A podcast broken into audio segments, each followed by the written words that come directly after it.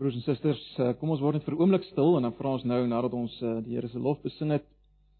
Ons nou gesing, ons is gemaak om hom te loof en te prys.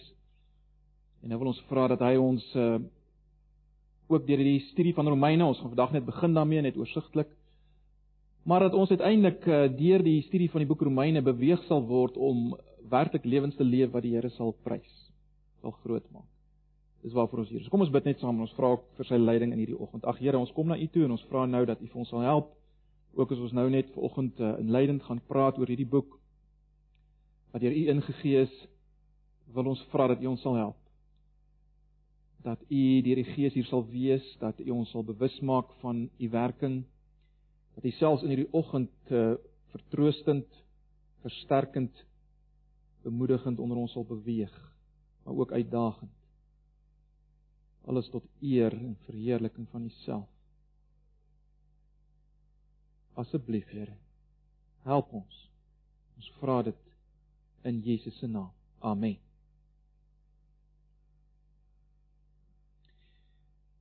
Nou, ek gaan nie onmiddellik nou vir julle vra om julle Bybels oop te maak nie, maar hou maar die Bybel byderhand. Miskien kan jy lank oopmaak by Romeine, by die boek Romeine. Ons gaan nie vanoggend 'n spesifieke gedeelte lees nie, ons gaan wel ons gaan wel hier en daar kyk uh, na iets. Kry maar net die uh die Bybels by Romeine gereed.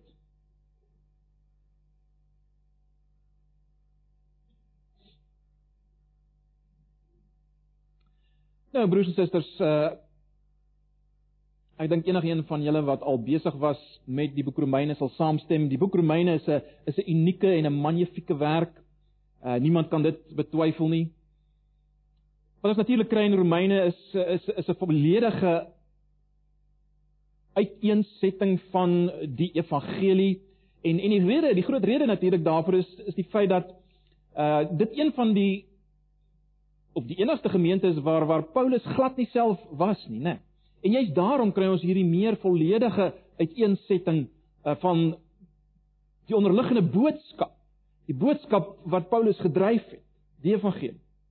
Uh, Natuurlik is dit dieselfde evangelie as wat hy verkondig het uh in die ander gemeentes, in Efese en Korinthe en die ander, maar hier kry ons 'n meer volledige uiteensetting juist omdat hy nie daar kon wees nie, daarom het hy uh, het hy dit vir hulle neergeskryf. Nou ons weet dat hierdie boek uh, Romeine was instrumenteel in die bekering van die uh, baie bekende kerkvader Augustinus. Martin Luther, uh, ons almal uh, weet van Martin Luther, veral vir jaar behoort ons uh, van hom kennis te neem. Sy herdenking van die reformatie net so terloops. Ehm uh, Martin Luther is vir altyd omgekeer deur die lees van Romeine. Julle sal weet Luther het geworstel met die vraag: "Waar vind ek 'n genadige God?" Hy was 'n monnik. Hy het alles probeer om homself aanvaarbaar te kry en het agtergekom dat dit werk nie. Uh, selfs al pynig ek myself, dit werk nie. Hy het geworstel met hierdie vraag en onder andere het hy uitgekom by Romeine 1 vers 16 en 17 wat sê: "Die regverdige sal deur die geloof leef." En dit het uh, Luther vrygemaak. En natuurlik deur Luther het dit 'n invloed gehad op die reformatie. Met ander woorde die die boek Romeine het 'n geweldige invloed gehad ook uh in die reformatie het bygedra as jy wil tot die tot die reformatie. Tyndale, die baie bekende Bybelvertaler, het op 'n stadium gesê Romeine is die uh, is the the principal and most excellent part of the New Testament. En so kan ons aangaan. So kan ons aangaan. Maar broers en susters, die die belangrike ding vir oggend vir ons is dit. Die boek Romeine kan jou verander en kan my verander. En dis waarvoor ons hier is, né? Nee. Ons is nie hier om maar net 'n uh, wonderlike ehm uh, literatuur literatuurstudie te doen van die boek Romeine en beïndruk te wees deur die wonderlike argumente nie. Ek hoop nie so nie. Ek hoop nie dis hoekom ons hier is. Dis waarvoor jy universiteit toe gaan. Ons is hier om verander te word deur hierdie boek. Nou Mens kan die vraag vra maar waarom het hierdie boek so geweldige invloed gehad en het dit nog steeds so geweldige invloed? Waaraan kan dit toegeskryf word? Nou ek wil net uh drie antwoorde gee, uh voorlopige antwoorde vanoggend gee. Die eerstens, uh, of eerstens kan ons sê Romeine het 'n geweldige invloed as gevolg van die goddelike oorsprong daarvan. En dis iets wat ons baie uh, mooi moet verstaan vanoggend. Romeine is geskryf uh, deur iemand wat voorberei is deur God onder die invloed van die Heilige Gees. As jy nou net vandag as jy nou die boek Romeine daar oop het, kyk maar net na na vers 1. Van Paulus, 'n dienaar van Christus Jesus, geroep om apostel te wees, afgesonder vir die evangelie van God. Jy sien, dis God se evangelie, dis nie Paulus se evangelie nie. Dit is nie Paulus wat besluit het ek gaan 'n klomp mooi goed vir ons sê wat ons gaan beter voel nie. Dis die evangelie van God. Kyk net na vers 5 van Romeine 1. Deur hom het ek die genade ontvang om apostel te wees onder al die heidene nasies om tot eer van sy naam mense tot geloof en so tot gehoorsaamheid te bring of dan geloofsgehoorsaamheid. Baie belangrik. Deur hom het ek dit ontvang. Blaai gou na Galasiërs. Daar's 'n vers wat dit nog vir my nog duideliker stel. Blaai gou na Galasiërs. Ek weet ons is nou besig met Galasiërs nie. Maar ons is besig met dieselfde man. En dieselfde evangelie. Kyk gou na Galasiërs 1. Uh kyk net na vers 11. Is dit nie fascinerend? Galasiërs 1 vers 11. Dit moet julle goed besef broers, die evangelie wat ek verkondig is nie deur 'n mens uitgedink nie. Ek het dit ook nie van 'n mens ontvang of by 'n mens geleer nie. Inteendeel. Jesus Christus het dit in 'n openbaring aan my gegee. Dis belangrik. Dis belangrik. Jesus Christus self het dit vir Paulus gegee. En dis die evangelie waarmee ons gaan besig wees in Romeine. En dis gewigtig, is dit nie? Maar dis hoekom hierdie boek so 'n geweldige invloed het. En aan dan aan daar daarmee uh, kan mens sê dat Romeine is 'n kragtige boek as gevolg van sy inhoud. Juis omdat sy inhoud gaan oor die evangelie van God se seun, soos uh, uh Paulus dit ook stel hier in in die eerste 3 verse van van Romeine, nê, waarna ons uh, nou gekyk het ook. En in vers 16 sê Paulus dat die evangelie en ek gaan nie nou uitbrei oor wat die evangelie is nie, ons gaan daaroor praat. Maar Paulus sê die evangelie is die krag van God. Dit is die krag van God. Die evangelie is die krag van God. Ons leef in 'n tyd wat daar daar 'n geweldige soeke is na krag en na kragtige manifestasies van die Here op een of ander manier. Paulus sê die evangelie is die krag van God. En ek wonder of ons dit nog glo. Ek vra myself af baie keer, glo ek dit nog werklik? Maar goed, so die die, die boek Romeine is nie net kragtig as gevolg van die goddelike oorsprong, die feit dat Paulus dit by Jesus self gekry het nie. Dit is ook kragtig as gevolg van die boodskap wat hierin gegee word, die evangelie wat die krag van God is. En dan in 'n in 'n derde plek is die boek Romeine 'n boek met geweldige invloed en krag en uiters relevant vir ons want dit gee vir ons hoop. Ag broers en susters, daar's baie filosofieë in die wêreld vandag wat wat hoe kan ek dit stel? Wat sogenaamde ervaarde behoeftes aanspreek Maar Romeine spreek ons eintlike behoefte aan. Ons behoefte van hoe kan ek weet ek is vergewe? Hoe kan ek weet ek is aanvaarbaar voor God? Want as ek na myself kyk, is daar geen manier dat ek dit maak nie. Hoe hoe, hoe langer ek leef en hoe meer ek delf in myself, hoe meer hoe of hoe minder hoop het ek. Wel, dit, dit is in my geval so. Ek weet nie van julle nie, maar hoe, hoe ouer ek word, hoe minder hoop het ek in myself. Al minder en al minder en al minder. Die Romeine gee ons hoop omdat dit vir ons die evangelie bring. Die feit dat ons aanvaarbaarheid, ons vergifnis lê in iemand anders. So dit net baie vinnig uh, uh drie opmerkings oor waaraan kan hierdie geweldige effek van die boek Romeine toegeskryf word. Net baie vinnig wie het hierdie boek geskryf, wanneer en waar het hy dit geskryf? Ek wil nie lank hieroor hierop ingaan nie. Ons kan aanvaar Paulus is werklik die skrywer of die outeur, ek sal nou iets sê oor die ou wat dit fisies geskryf het. Ons kan werklik aanvaar Paulus is die outeur van Romeine. Uh dis deur deur eksterne en interne dinge, met ander woorde dinge in die boek en getuienis buite die boek word dit bevestig dat Paulus wel hierdie brief geskryf het. In Hoofstuk 16 vers 22 sien ons dat uh Tertius, 'n sekere Tertius het fisies dit neergeskryf, né? Paulus het ge, as te ware gekwoteer en hy het dit fisies neergeskryf. Maar Paulus is die outeur, ons kan dit aanvaar. As mens uh, Romeine 15 vers 19 tot 28 vergelyk met Handelinge 20 uh, vers 21, dan dan dan dui dit waarskynlik op die feit dat hierdie brief is geskryf vanuit Korinte. Met ander woorde, toe Paulus in Korinte was, het hy die brief geskryf aan die gemeente in Rome. En en en die datum is so 56 tot 57 na Christus. So 56 tot 57 na Christus. Net so terloops interessant is daar waar Paulus skryf natuurlik Romeine voor die evangelies geskryf is, hoor.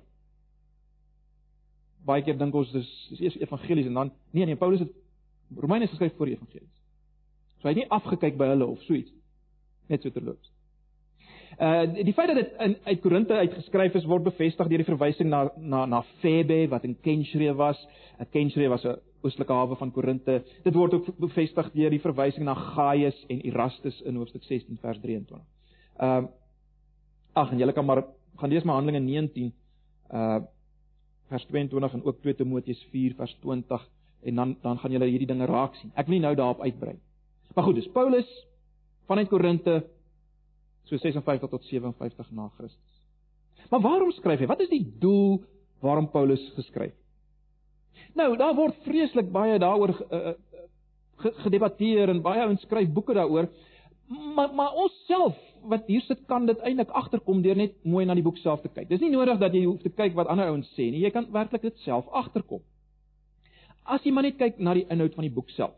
En, en ek wil hê ons moet ons moet dit vanoggend doen. As mens mooi gaan lees wat sê Paulus in hoofstuk 1 vers 1 tot 17 en dan ook weer aan die einde in hoofstuk 15 vers 14 tot 16 vers 27. As jy daai gedeeltes gaan lees en ons het nou nie ons gaan dit nie vanoggend doen nie. Uh maar as jy dit rustig gaan deurlees dan kan jy nogal redelik agterkom waarom Paulus skryf. Wat is die doel waarom hy skryf? En ek wil hê ons moet vinnig kyk of ons dit kan sien en ek gaan julle maar begelei daar. Kom ons vra net 'n paar vrae. Kom ons vra eers, wat is die toestand of die geestelike toestand van die ouens vir wie hy skryf? Want dit is nogal belangrik. Wat is die geestelike toestand van die ouens vir wie hy skryf? Wel, kyk gou saam met my. Uh Kyk gou na vers 8 van hoofstuk 1. Wat sien julle daar?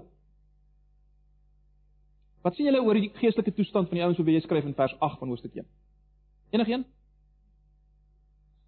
Dit geloof, gelowig, dit geglo.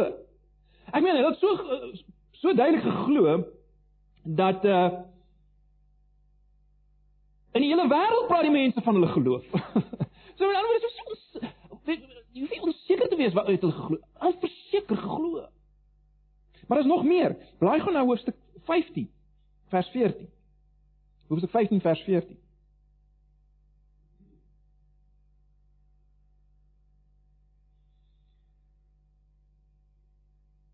Hoofstuk 15 vers 14.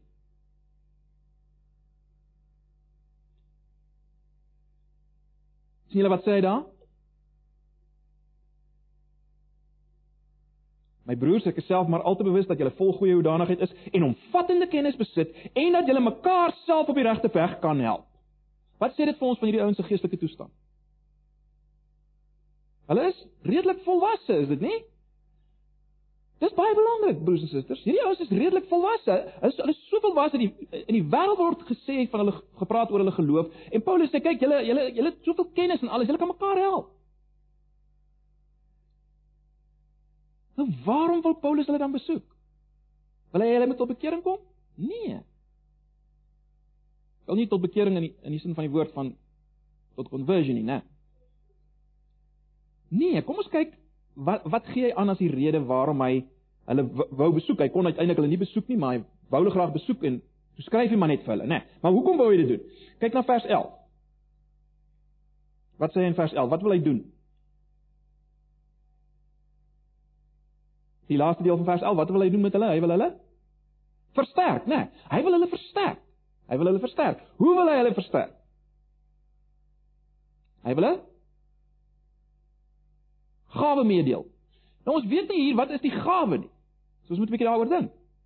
Wel Baie interessant, in vers 14 sê Paulus uh, in die 83 vertaling, ek staan onder 'n verpligting teenoor Grieke en nie-Grieke teenoor ontwikkeldes en ongeleerdes. Nou die die letterlike woord as jy die 53 vertaling het, sal jy sien hy sê ek is 'n skuldenaar. So die die die, die gedagte agter die woord is dat hy het iets wat hy moet gee. Hy hy skuld mense iets. En onthou nou hy het gesê uh in vers 11 hy wil vir hulle 'n gawe meedeel, dis eintlik 'n geskenk, né? Nee, die woord beteken maar geskenk. So hy het 'n geskenk. Hy moet dit meedeel. Hy's 'n skuldenaar. Hy gaan met daai hy wil 'n geskenk meedeel om hulle te versterk en in in vers 14 sê hy is, is onder 'n verpligting om as te ware hierdie geskenk mee te deel. Dis wat hy per implikasie sê. En kyk nou net na vers 15. En van daar my begeerte om ook aan julle in Rome die evangelie te verkondig. Die evangelie te verkondig.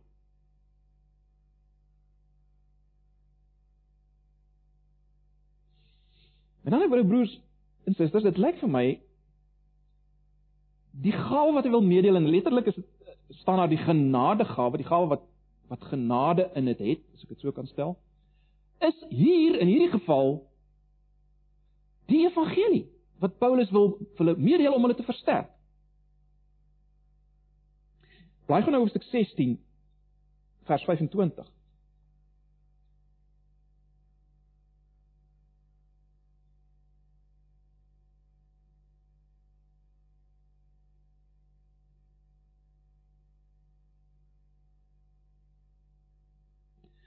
Vers 25 van hoofstuk 16 sê Paulus: God is magtig om julle te laat vas staan ooreenkomstig die evangelie van Jesus Christus wat ek verkondig.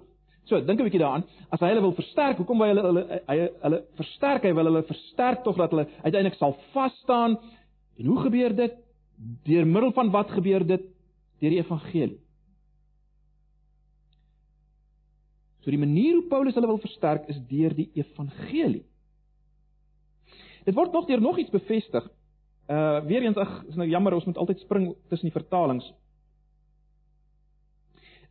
Kyk na vers 13. Die einde van vers 13 in die 83 vertaling sê dat Paulus sê Paulus hy wil net soos by die ander heidene nasies mense vir Christus wen.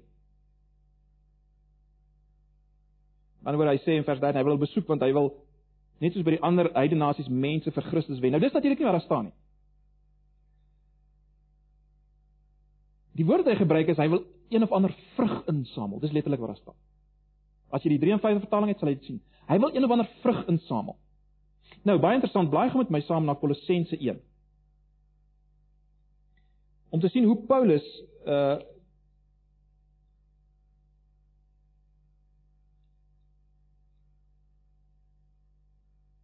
Evangelie en vrug bymekaar bring. Kolossense 1 vers 6.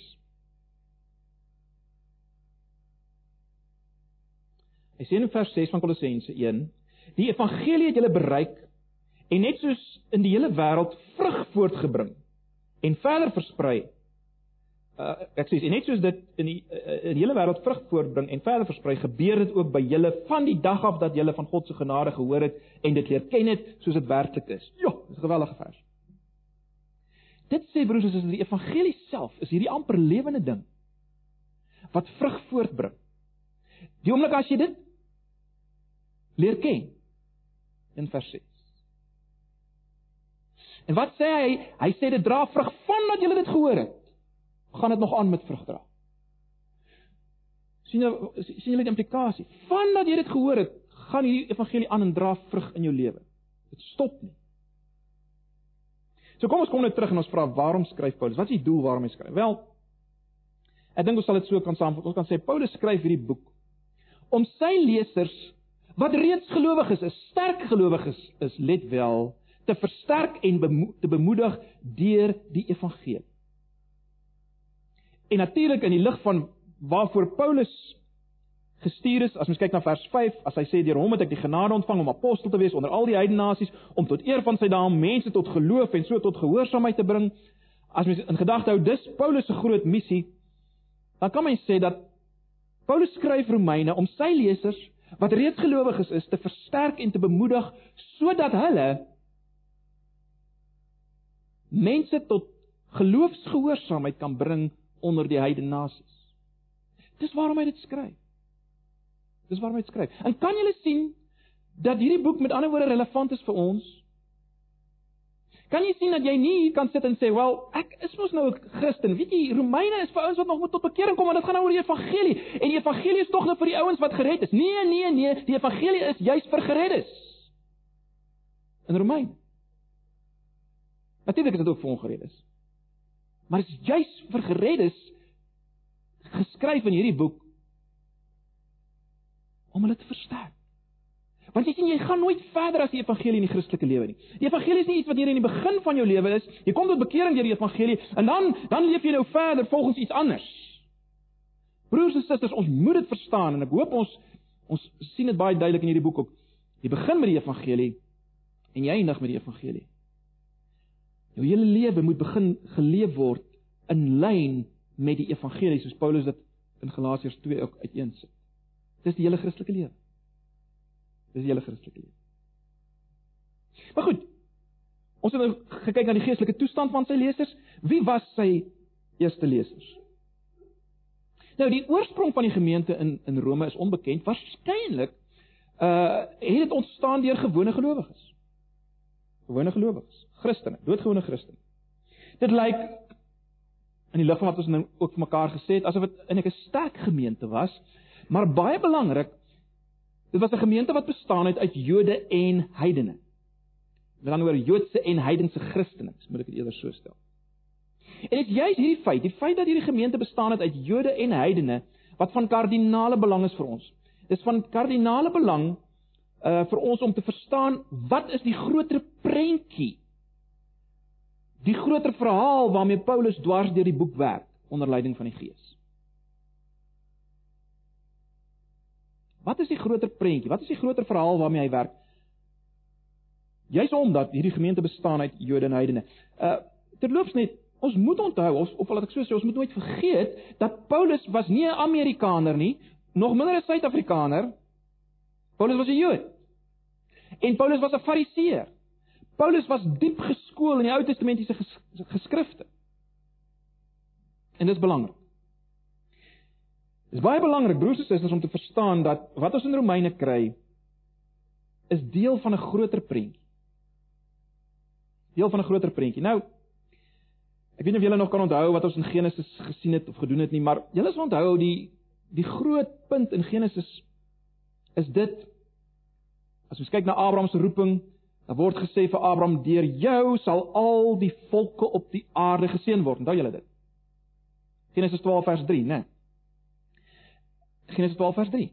Dis 'n baie belangrike vers. Want dit wys vir ons wat is die doel waarvoor God eintlik vir Abraham gekies het.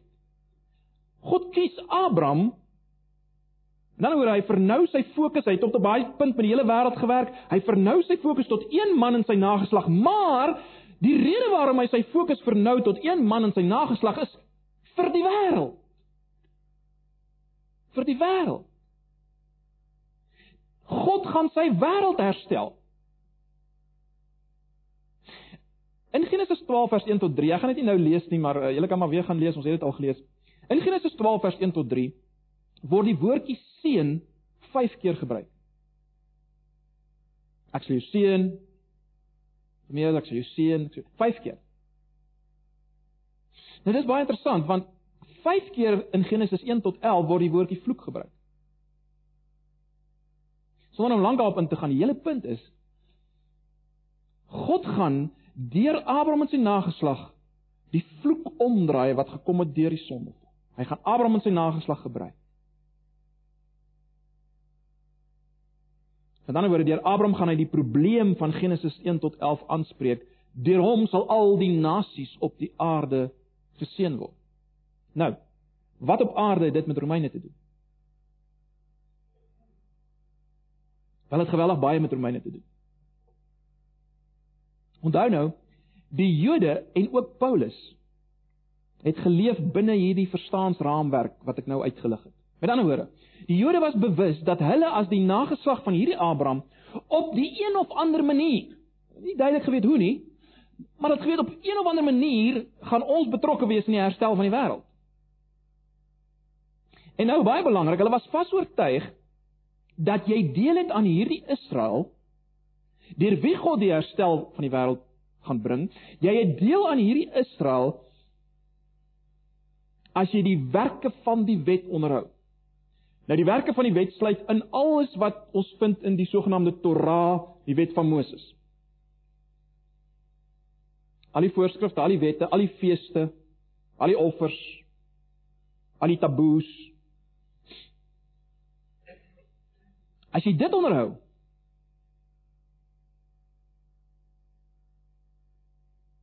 word jy deel of bewys jy dat jy deel is van Abraham se nageslag, die mense deur wie die wêreld herstel gaan word op een of ander manier. Die Jode het besef op op op hierdie stadium, op die stadium wat Paulus ook skryf, was hulle eintlik nog in ballingskap. Julle sal weet, hulle was onder die Romeinse oorheersing geweest. So waarna hulle uitgesien het wat hulle verwag het, is dat God hulle absoluut gaan bevry vir hulle as Jode gaan bevry en dat God vir hulle 'n rol gaan gee as herstellers van hierdie wêreld. Nou, waarmee Paulus sit, die mens kan amper sê die probleem waarmee Paulus nou sit is dit. God se getrouheid aan sy verbond was op die spel. God se getrouheid aan dit wat hy gesê het vir Abraham was nou op die spel. En hy wat Paulus is weet dit as hy hier skryf. Ek meen, God kan nie sy verbond, sy beloftes aan Abraham en sy beloftes aan Israel verbreek nie. Dis die een kant en aan die ander kant, God is ook die skepper van die wêreld. So wat doen Paulus in Romeine? Broers en susters, wat Paulus doen in Romeine is om te wys God is getrou aan sy verbond. God handhaaf sy geregtigheid. Dis wat Paulus wys. Maar en hier is die interessante ding. Maar Paulus wys God gaan nie meer die fisiese Israel gebruik om die wêreld te herstel en die verbond te bevestig nie, maar hy gaan Jesus gebruik, Jesus die verteenwoordiger van Israel. Dis iemand hy gaan gebruik. En nog meer skokkend vir die ouens van daai tyd was dit. Jy het deel aan hierdie Israel, naamlik Jesus. Jy deel aan hom nie deur die werke van die wet, deur die Torah nie, maar deur die geloof in hierdie een wat gedoen het wat Israel nie kon doen nie. Deur die geloof in sy dood en sy opstanding. Daardeur het jy deel aan hierdie Israel waardeur God die herstel gaan bring. En ek weet ag vir ons is dit maar dit was revolusionêr en skokkend.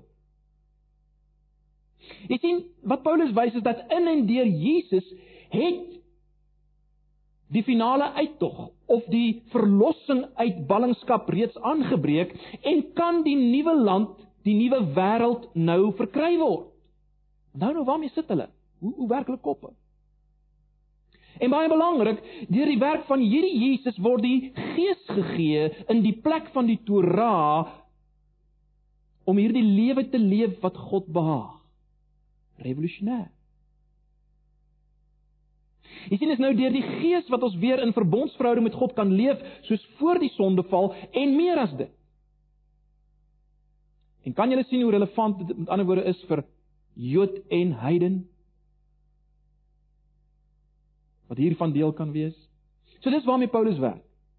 En en, en dis onderliggend en ek ek dink ons gaan dit raak sien dwars deur die boek Romeine. Ons moet dit verstaan. Maar goed. Kom ons bring dit 'n bietjie nader aan ons lyf, uh dit wat ek nou gesê het en dan gaan ek so net vir julle 'n raamwerk gee op die op die PowerPoint van van hoe Romeine uit uiteensit.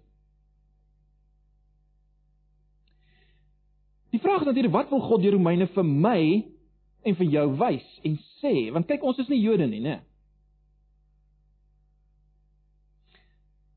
En dit is altyd so maklik om om dit raak te sien en dit uit te werk nie. Wel, ek ek wil net voorlopige paar dinge waag vir oggend en ons gaan uh, ons gaan probeer om uh, as ons toepassing doen van gedeeltes dit nog nader aan ons te bring, maar verseker wil God vir my en jou as ek dit so kan stel uitruk uit enige posisie wat jou as te ware plaas aan die kant van die Jode. Enige posisie wat jou as te ware plaas aan die kant van die Jode en hulle tipe denke wat ons nou gesien het. Met ander woorde, as jy nog vanoggend op een of ander manier of op enige manier dink dat jy deel is van God se mense omdat jy in 'n sekere groep behoort. En dan wanneer jy dink dalk vanoggend ek is deel van God se mense bloot omrede ek vanoggend hier is. Deel het of deel is van 'n van 'n gemeente. Of omdat ek 'n baptis is of omdat ek 'n gereformeerde is, of wat die geval mag wees. Dit dit dis hoekom ek uh deel is van God se mens.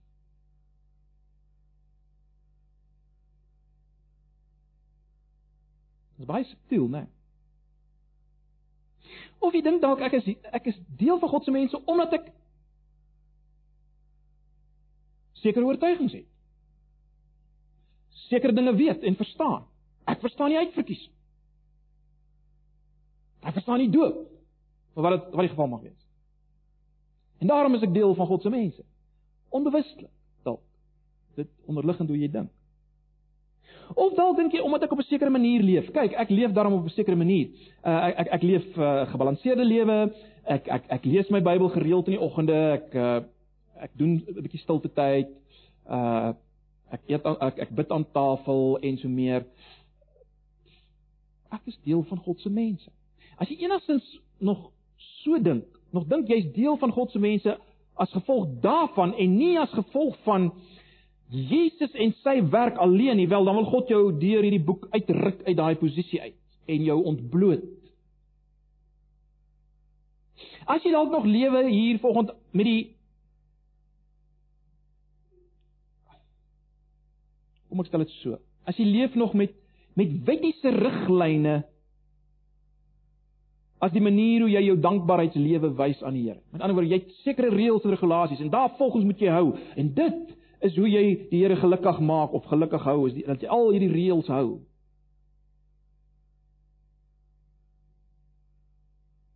Die eerbiedig die Sondag. Jy kyk nie te veel televisie nie.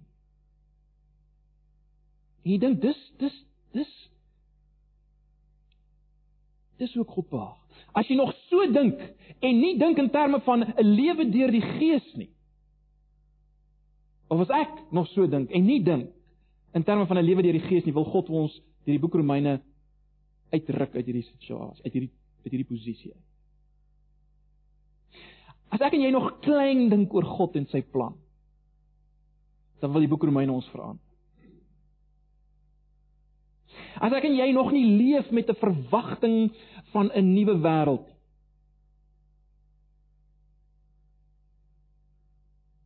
Dan wil God dit verander deur die boek Romeine. Hy wil dit verander.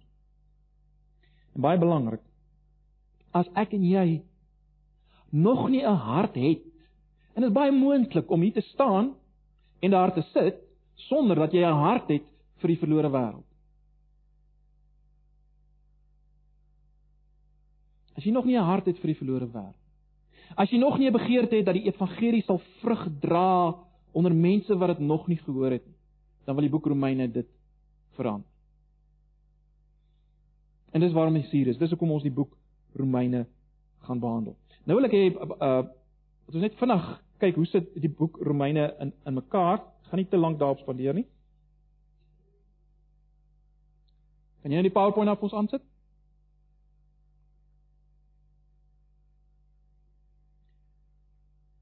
Ek hoop die tegnologie laat ons nie in die steek nie.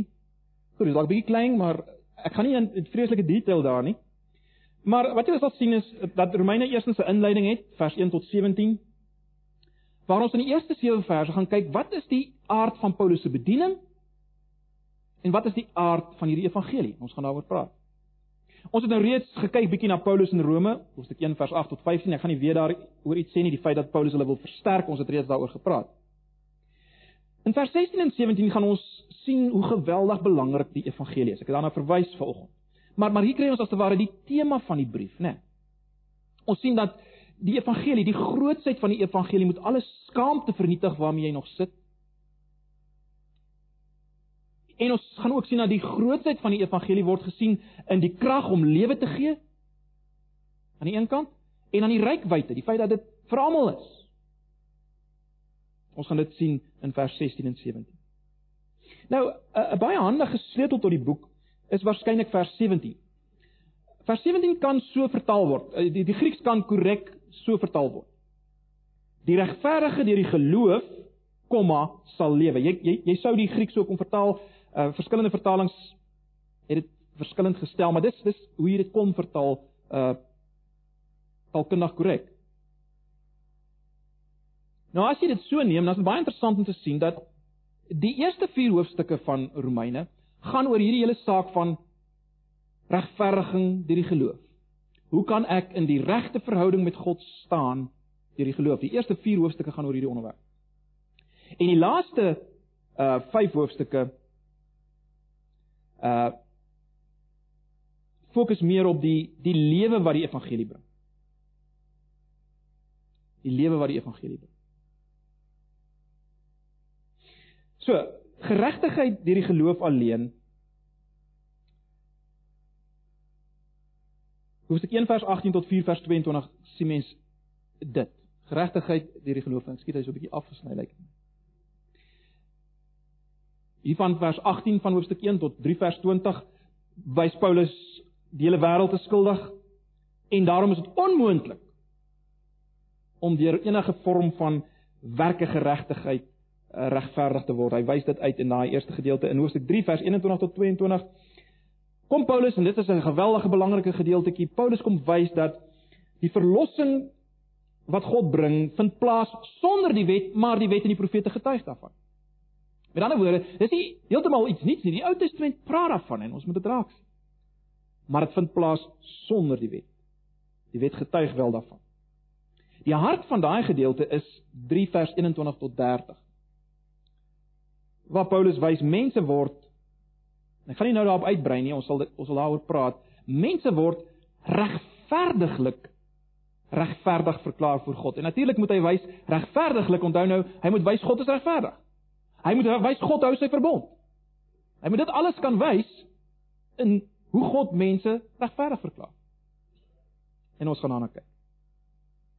En dan in hoofstuk 3 vers 31 tot 4 vers 25 wys Paulus dat hierdie hele weg van geregtigheid wat deur die evangelie kom, is nie iets niets nie, maar is in lyn met die Ou Testament, waarna ek nou net ook verwys het. En dan die tweede groot deel, as mens nou vers 17 as die sleutel vat, né? Nee, Die tweede groot deel waarna Paulus verwys is die lewe. Hy praat nou in Hoofstuk 5 vers 1 tot 8 vers 39 praat hy oor die lewe wat die evangelie bring. So hy wys eers hoe kry jy hierdie lewe? En nou praat hy van hierdie lewe self. Hoe lyk hierdie lewe wat die evangelie bring? Nou uh hierdie hoofstukke ons verdeel dit natuurlik en ons gaan dit ook so hanteer. Ons gaan uh, na die verskillende gedeeltes kyk. Maar dit is baie belangrik daar is 'n samehang tussen hierdie gedeeltes. Uh byvoorbeeld temas soos hoop, die heerlikheid en die liefde van God.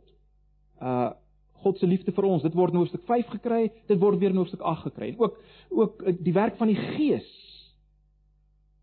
Hoofstuk 5 en ook weer in hoofstuk 8. Daar's daar's 'n samehang.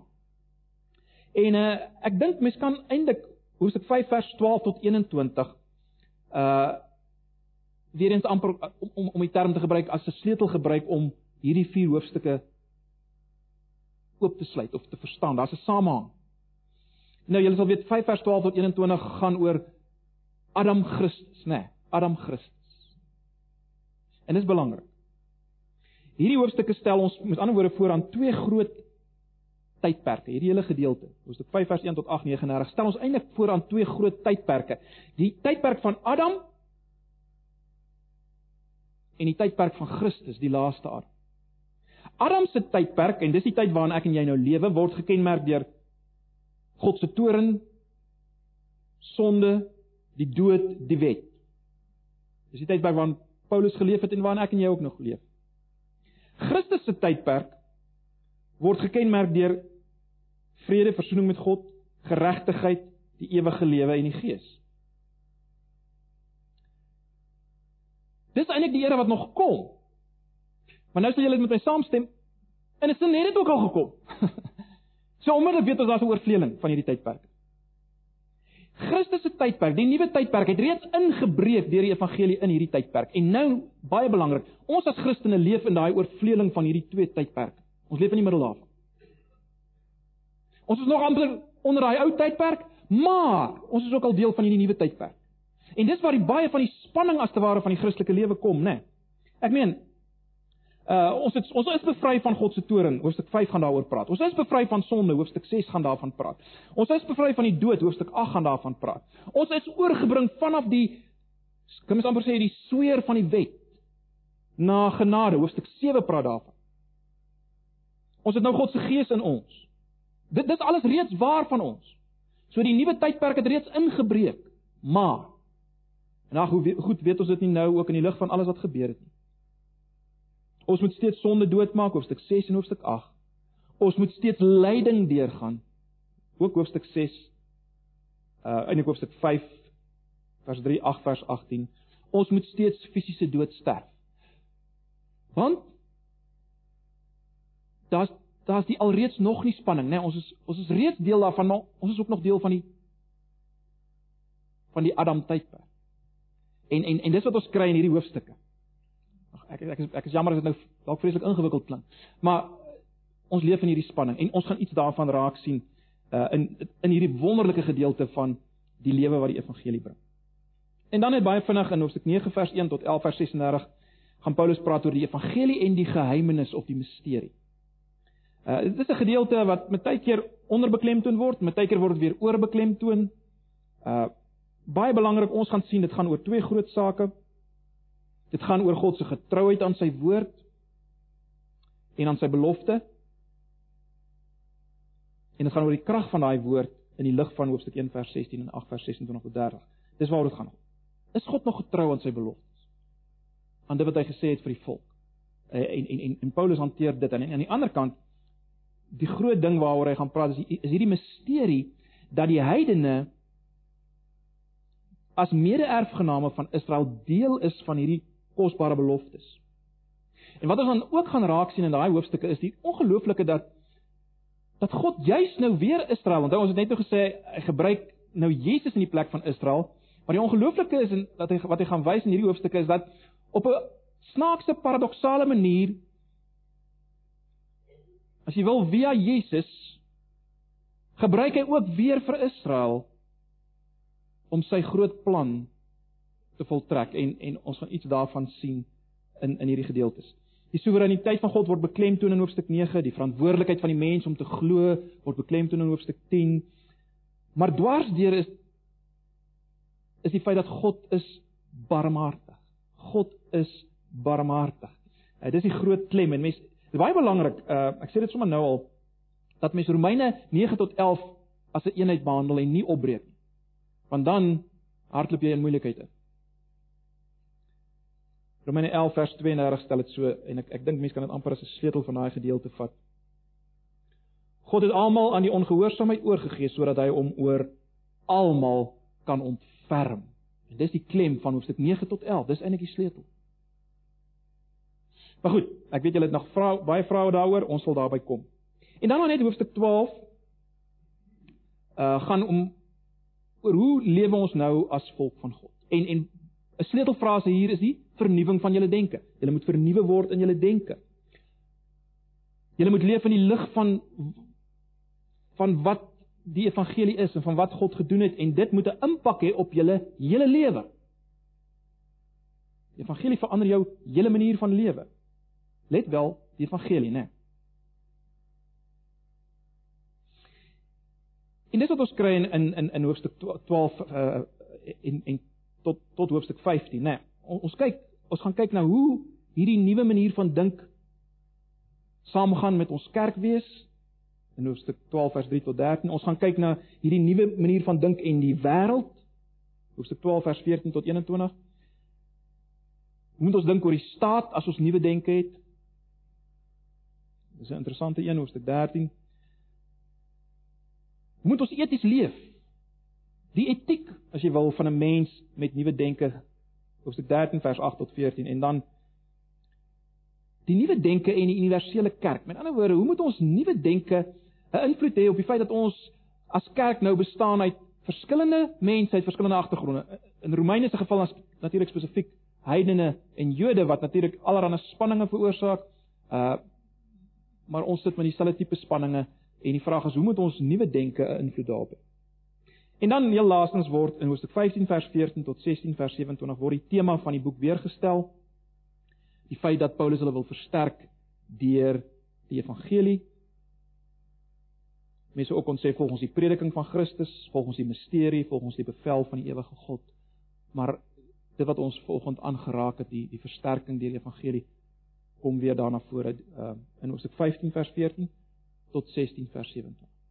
So dit was baie vinnig broers en susters net maar net hoe die boek Romeine in mekaar sit. Maar my gebed is regtig dat uh in die weke wat voorlê as julle ook nou in julle selgroepe gaan in indelwe in die boek Romeine dat God dit sal gebruik, sy evangelie om ons te versterk, om ons te bemoedig, om ons hoop te gee, om ons denke te vernuwe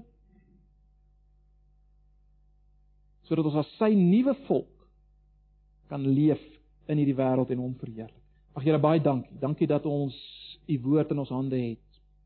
Dankie dat ons 'n boek soos Romeine het waarna ons kan gaan met vrymoedigheid en ook in die lig van vanoggend met vrymoedigheid omdat ons weet dis nie maar net 'n mense idees nie. Dis u, Here Jesus wat dit vir ons kom sê. Ag en ek wil bid dat u hierdie hierdie woord sal gebruik om ons waarlik almal te versterk, te bemoedig en weer uit te daag om om anders te dink oor alles, om alles te weeg en te beoordeel in die lig van die evangelie, om uh dinge in ons eie lewens waaroor ons nie meer dink nie om dit weer in die lig van die evangelie te bring. Here, ons wil vra dat U dit sal doen. Ek wil bid dat U dit vir my sal doen, Here. U weet dat ons almal is geneig om maar net saam gesleep te word deur uh die tydsgees, deur die wêreld dag na dag en en ons het nodig dat U ons weer terugbring. Asseblief doen dit deur U woord uit genade. Ons vra dit in Jesus se naam. Amen.